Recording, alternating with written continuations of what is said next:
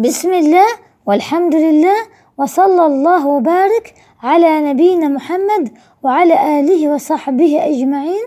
مجلسنا اليوم الحديث الثاني والعشرون عن جابر بن عبد الله رضي الله عنه أن رجلا سأل رسول الله صلى الله عليه وسلم فقال أرأيت إذا صليت المكتوبات وصمت رمضان وأحللت الحلال وحرمت الحرام ولم أزد على ذلك شيئا أدخل الجنة؟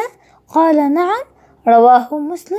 هذا الحديث خرجه مسلم من رواية أبي الزبير عن جابر وزاد في آخره والله لا أزيد على ذلك شيئا. وقد فسر بعضهم تحليل الحلال باعتقاد حله وفعل الحلال وتحريم الحرام أي باعتقاد حرمته مع اجتنابه. يكون الحلال هنا عبارة عما ليس بحرام فيدخل فيه الواجب والمستحب والمباح.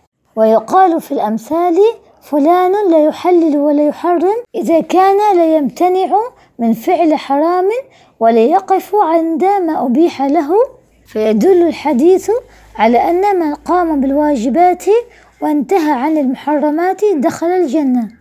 قال الحسن هذا العمود فأين الطنب يعني أن كلمة التوحيد هي عمود الفسطاط ولكن لا يثبت الفسطاط بدون أطنابه وهي فعل الواجبات وترك المحرمات. قال الطائفة كان هذا قبل الفرائض والحدود. ونسختها الفرائض والحدود قبل فرض الزكاة والحج.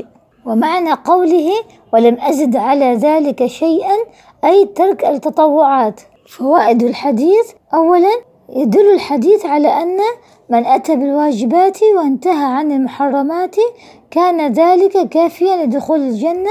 ثانيا الحديث دليل على عظم تمسك بالفرائض وأنها أول ما يهتم به العبد. ثالثا الحرام ما حرمه الله في كتابه وعلى لسان رسول صلى الله عليه وسلم. والحديث يدل على حرص الصحابة على طريق الجنة. وأخيرا قاعدة التحريم والتحليل تشريع لا يكون إلا لله سبحانه وتعالى. أن رجلا الرجل اسمه النعمان بن قوقل جاء في رواية أخرى. وراوي الحديث جابر بن عبد الله بن حرام استغفر له النبي صلى الله عليه وسلم في ليلة ما خمسة وعشرين مرة أكثر رواة الأحاديث من الأنصار بعد أنس بن مالك. هذا وصلى الله وبارك على نبينا محمد وعلى آله وصحبه أجمعين.